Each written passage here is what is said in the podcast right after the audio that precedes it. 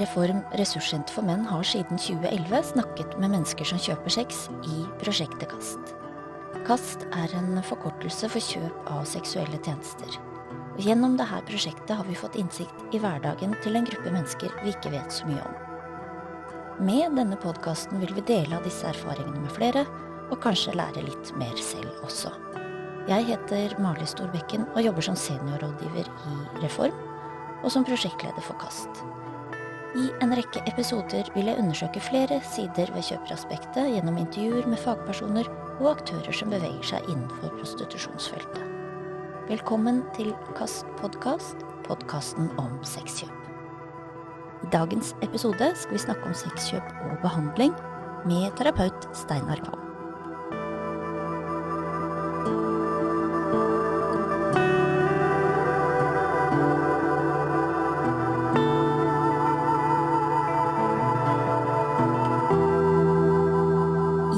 2009 ble kjøp av seksuelle tjenester kriminalisert.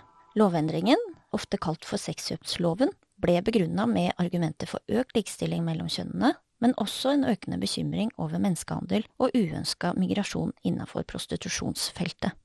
Prostitusjonsdebatten har lenge fascinert meg. Ofte syns jeg den svart-hvitt-tenkninga som definerer denne debatten, ikke har vært dekkende nok for dette feltet som er så mangefasettert og befolka av veldig forskjellige mennesker. Vi har gjennom media og populærkultur og forskning hørt mye om selgersiden i prostitusjon, altså de som selger tjenester det er ulovlig å kjøpe. De vi hører mindre om, er de som kjøper disse tjenestene. I denne podkasten skal vi se nærmere på nettopp disse. Hvem er de, hvorfor kjøper de sex, og hva er konsekvensene av sexkjøpet? Velkommen, Steinar. Tusen takk. Du skal fortelle litt om dine erfaringer med samtale med menn som kjøper sex. Men før det så kan du kanskje fortelle litt om deg selv. Så hvem er du, Steinar? Jeg er en godt voksen mann som har jobbet som, eller utdanna meg som musiker, men har jobba stort sett hele livet som terapeut for rusavhengige, eller på voldsfeltet. Og de siste tolv årene så har jeg vært tilknytta Reform ressurssenter for menn, og hatt ansvar for ensamtaletilbud og grupper og diverse.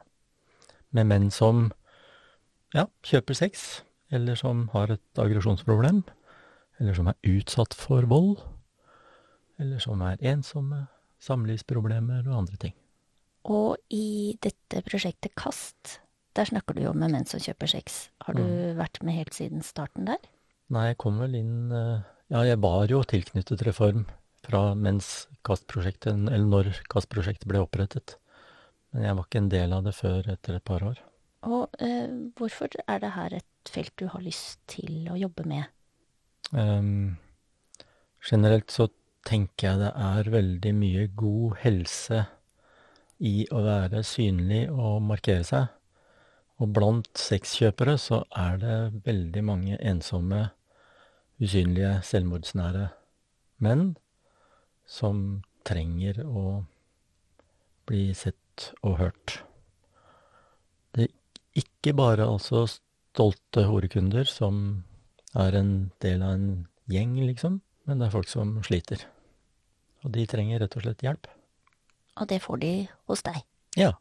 Jeg får jo ofte mediehenvendelser med spørsmål om hvem det er som kjøper sex. Jeg ser ofte òg at sexkjøpere blir fremstilt veldig sånn stilisert i media. Og det gjør jo meg litt nysgjerrig på hva den generelle befolkningen tenker om eh, personer som kjøper sex. Og derfor så har vår produsent Ina Slaveikov vært ute på gata og hørt litt om hva folk tenker om personer som kjøper sex. Hvis dere skulle forestilt dere en som kjøper sex, hvem er det da? Nei, i mitt hode er det en helt normal person på mange måter. Jeg tenker at det er ikke noe stereotypisk utseende eller arbeidsjobbtaker. Nei, det tror jeg kan være veldig forskjellig. Det tror jeg må være en som ikke er helt god i huet. Jeg tenker sånn Kjøper. type Exit-gutter med en gang. En eh, mann som er litt eh, eldre.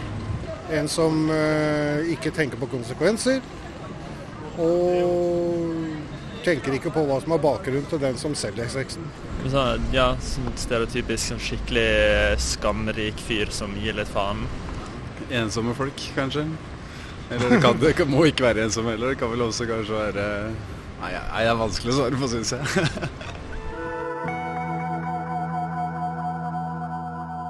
ja, her hørte vi han siste som vi spurte, syntes det var et litt vanskelig spørsmål å svare på. Men eh, hva tenker du om det du nettopp hørte, Steinar? Kjenner du igjen noen av dine klienter? Først må jeg kanskje si at jeg syns det er litt vanskelig å svare på, jeg òg. Det er ikke alle som tar kontakt med Reform. Så de som tar kontakt her, er folk som ønsker å snakke om det, og som helt klart har et behov for å snakke om det. Og veldig mange av dem ønsker å komme seg ut av det. Jo, men det er en viktig differensiering du gjør der, fordi vi får jo bare snakka med et lite segment av personer som kjøper sex, og det er jo som du sier de som har behov for å snakke om det, mm. eh, men som også kanskje har eh, noen utfordringer med sexkjøpet. Så den, som du beskrev i stad, den der lykkelige horekunden, han treffer vi ikke så veldig ofte hos oss. Nei. Men jeg lurer på om du kjente igjen noen av klientene dine i de beskrivelsene som kom fra de på gata? Ja, i hvert fall dette med ensomhet. Og jeg tror også mange, om de ikke har tenkt konsekvenser, som han ene sa, så, så tenker jeg at de skyver disse konsekvensene etter hvert litt unna. Lager seg unnskyldninger for å opprettholde noe som de egentlig kanskje skammer seg over, og ikke og vet at de vet at de, vet at de gjør noe galt, um, sånn verdimessig. Går på tvers av sine egne verdier, i hvert fall. Mange av dem. Og da tenker jeg at konsekvensene blir etter hvert eh, noe de skjuler eller prøver å døyve. Hva slags teknikker er det de har for å, å døyve de, den dårlige samvittigheten som de bærer på? Jeg tror eh, Jeg tror mange av dem eh, Altså når man er ensom, eller, eller mange av dem også, tenker jeg har Sliter rett og slett med det å ta kontakt med damer, rett og slett. Sånn at det å få tilgang til noe som de ellers ikke har tilgang til, det er en slags form for noe de rettferdiggjør på noe vis, da jeg skal jo også få lov til å ha sex. Mm. Um, selv om jeg ikke får snøre i bånd eller blir dumpa hver gang jeg forsøker meg på datingmarkedet. Men det er ofte de som er single, da. Det er mange av de klientene som jeg møter som For vi spør jo ofte om de er redd for å ha møtt noen som er utsatt for trafficking. Mm. Uh, men som har noen sånne regler for seg selv at for å unngå å kjøpe sex av noen som er utsatt for trafficking, Altså at hun må være om en viss alder, eller uh, hun må ikke være i aktiv rus. Hun må være fra enten Europa eller Norden eller Norge. Er det noe du også kjenner igjen? Ja. Mange prøver å forestille seg at de har kontroll på det. Ja. Men så er det noen som skjønner at de sannsynligvis har også kjøpt fra uh, kvinner som ikke gjør det frivillig. Hvorfor tror du de har disse reglene for seg selv? Det er jo for å rettferdiggjøre Ja, for å gjøre det mindre Hva skal jeg si Mindre ulovlig, mindre skammelig. En måte å rettferdiggjøre det på for seg selv, da. Så mindre vondt å leve med? Ja. Mm. De forestiller seg at dette er kvinner som gjør det frivillig. Mm. Det er det jo mange som mener. Mm. At de bare kjøper fra kvinner som gjør det frivillig.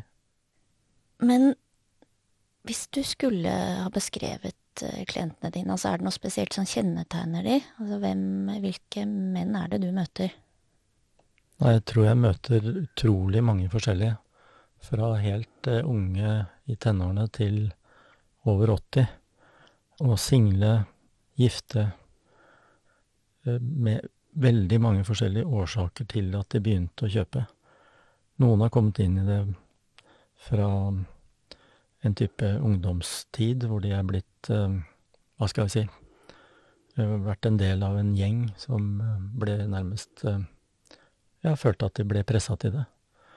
Andre har hatt forskjellige typer traumatiske opplevelser som gjør at sexkjøpet, akkurat som rus, på en måte blir en form for redning. Jeg har en som beskrev, har beskrevet at det er Det å kjøpe sex har, har gjort at jeg ikke har tatt livet av meg. Så det er veldig mange forskjellige årsaker, og veldig mange forskjellige menn som kommer til reform.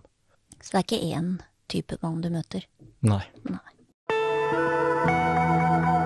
Kjøper du sex og ønsker å snakke om det? Kast er en gratis og helt anonym samtaletjeneste for deg som kjøper sex. Vi tilbyr personlig rådgivning på dine egne premisser i Oslo eller på telefon. Finn mer informasjon og kontakt oss for en samtale på Reforms hjemmeside reform.no. Så lurer jeg på hva som skjer i samtalerommet mellom deg og klienten. Så hva er det som foregår i en samtale? Hva er det dere snakker om? Hvilke temaer er det som blir tatt opp? Nei, først og fremst så er det min oppgave å knytte meg til den personen som kommer inn, og høre hva, hva slags type bestilling vedkommende har. Så det er, det er starten. Og så er det selvfølgelig Ja. Da, da kan det være alt mulig. da kan det gå i alle retninger, egentlig. Mm. Har du lyst til å beskrive en sånn typisk retning det kan ta? Har du en typisk retning du kan tenke på? Jeg tror um, veldig mange av de jeg snakker med, um, så, så, kommer vi på et eller annet tidspunkt inn på en type avhengighetsproblematikk. Jeg har jo hatt noen som beskriver det. De tror at denne, dette sexkjøpet har, uh, er en Altså at de har havna inn i en avhengighet som er sterkere enn heroinavhengighet, uten at de har prøvd det. Så de beskriver seg fanget i i dette systemet, og vanskelig å komme ut av, rett og slett. Gjenkjenner du mye av de erfaringene fra rusbehandling som du har jobba mye med hos de mennene du møter? Veldig. Gjelder, ja, når det gjelder avhengighet? Ja. De utvikler nærmest en type avhengighetspersonlighet som blir annerledes, fordi de, det tar over mer og mer av hele livet, nærmest. Og den de i utgangspunktet var, den blir mer og mer borte. Så mange av dem har uh, opplever det som godt å finne tilbake til den de egentlig var i utgangspunktet. Og så er det veldig mye vanskeligere for sexkjøpere enn for andre typer avhengigheter, fordi de blir ofte alene, og de har stort sett bare en terapeut å snakke med. Sånn at um, det fellesskapet som andre opplever f.eks. rusavhengige eller spilleavhengige, det, det står ikke noe fellesskap der til rådighet for disse sexkjøperne. Uh, og det mener jeg er et stort problem. Det burde egentlig vært noen form for samtalegrupper og mer, altså mer åpenhet om tematikken generelt, men også noen form for tiltak, sånn at disse mennene kan snakke litt sammen. Hvis det hadde gått an å få til et anonymt uh, og sikkert opplegg i gruppe, så tror jeg det hadde vært veldig nyttig for disse folka. Mm.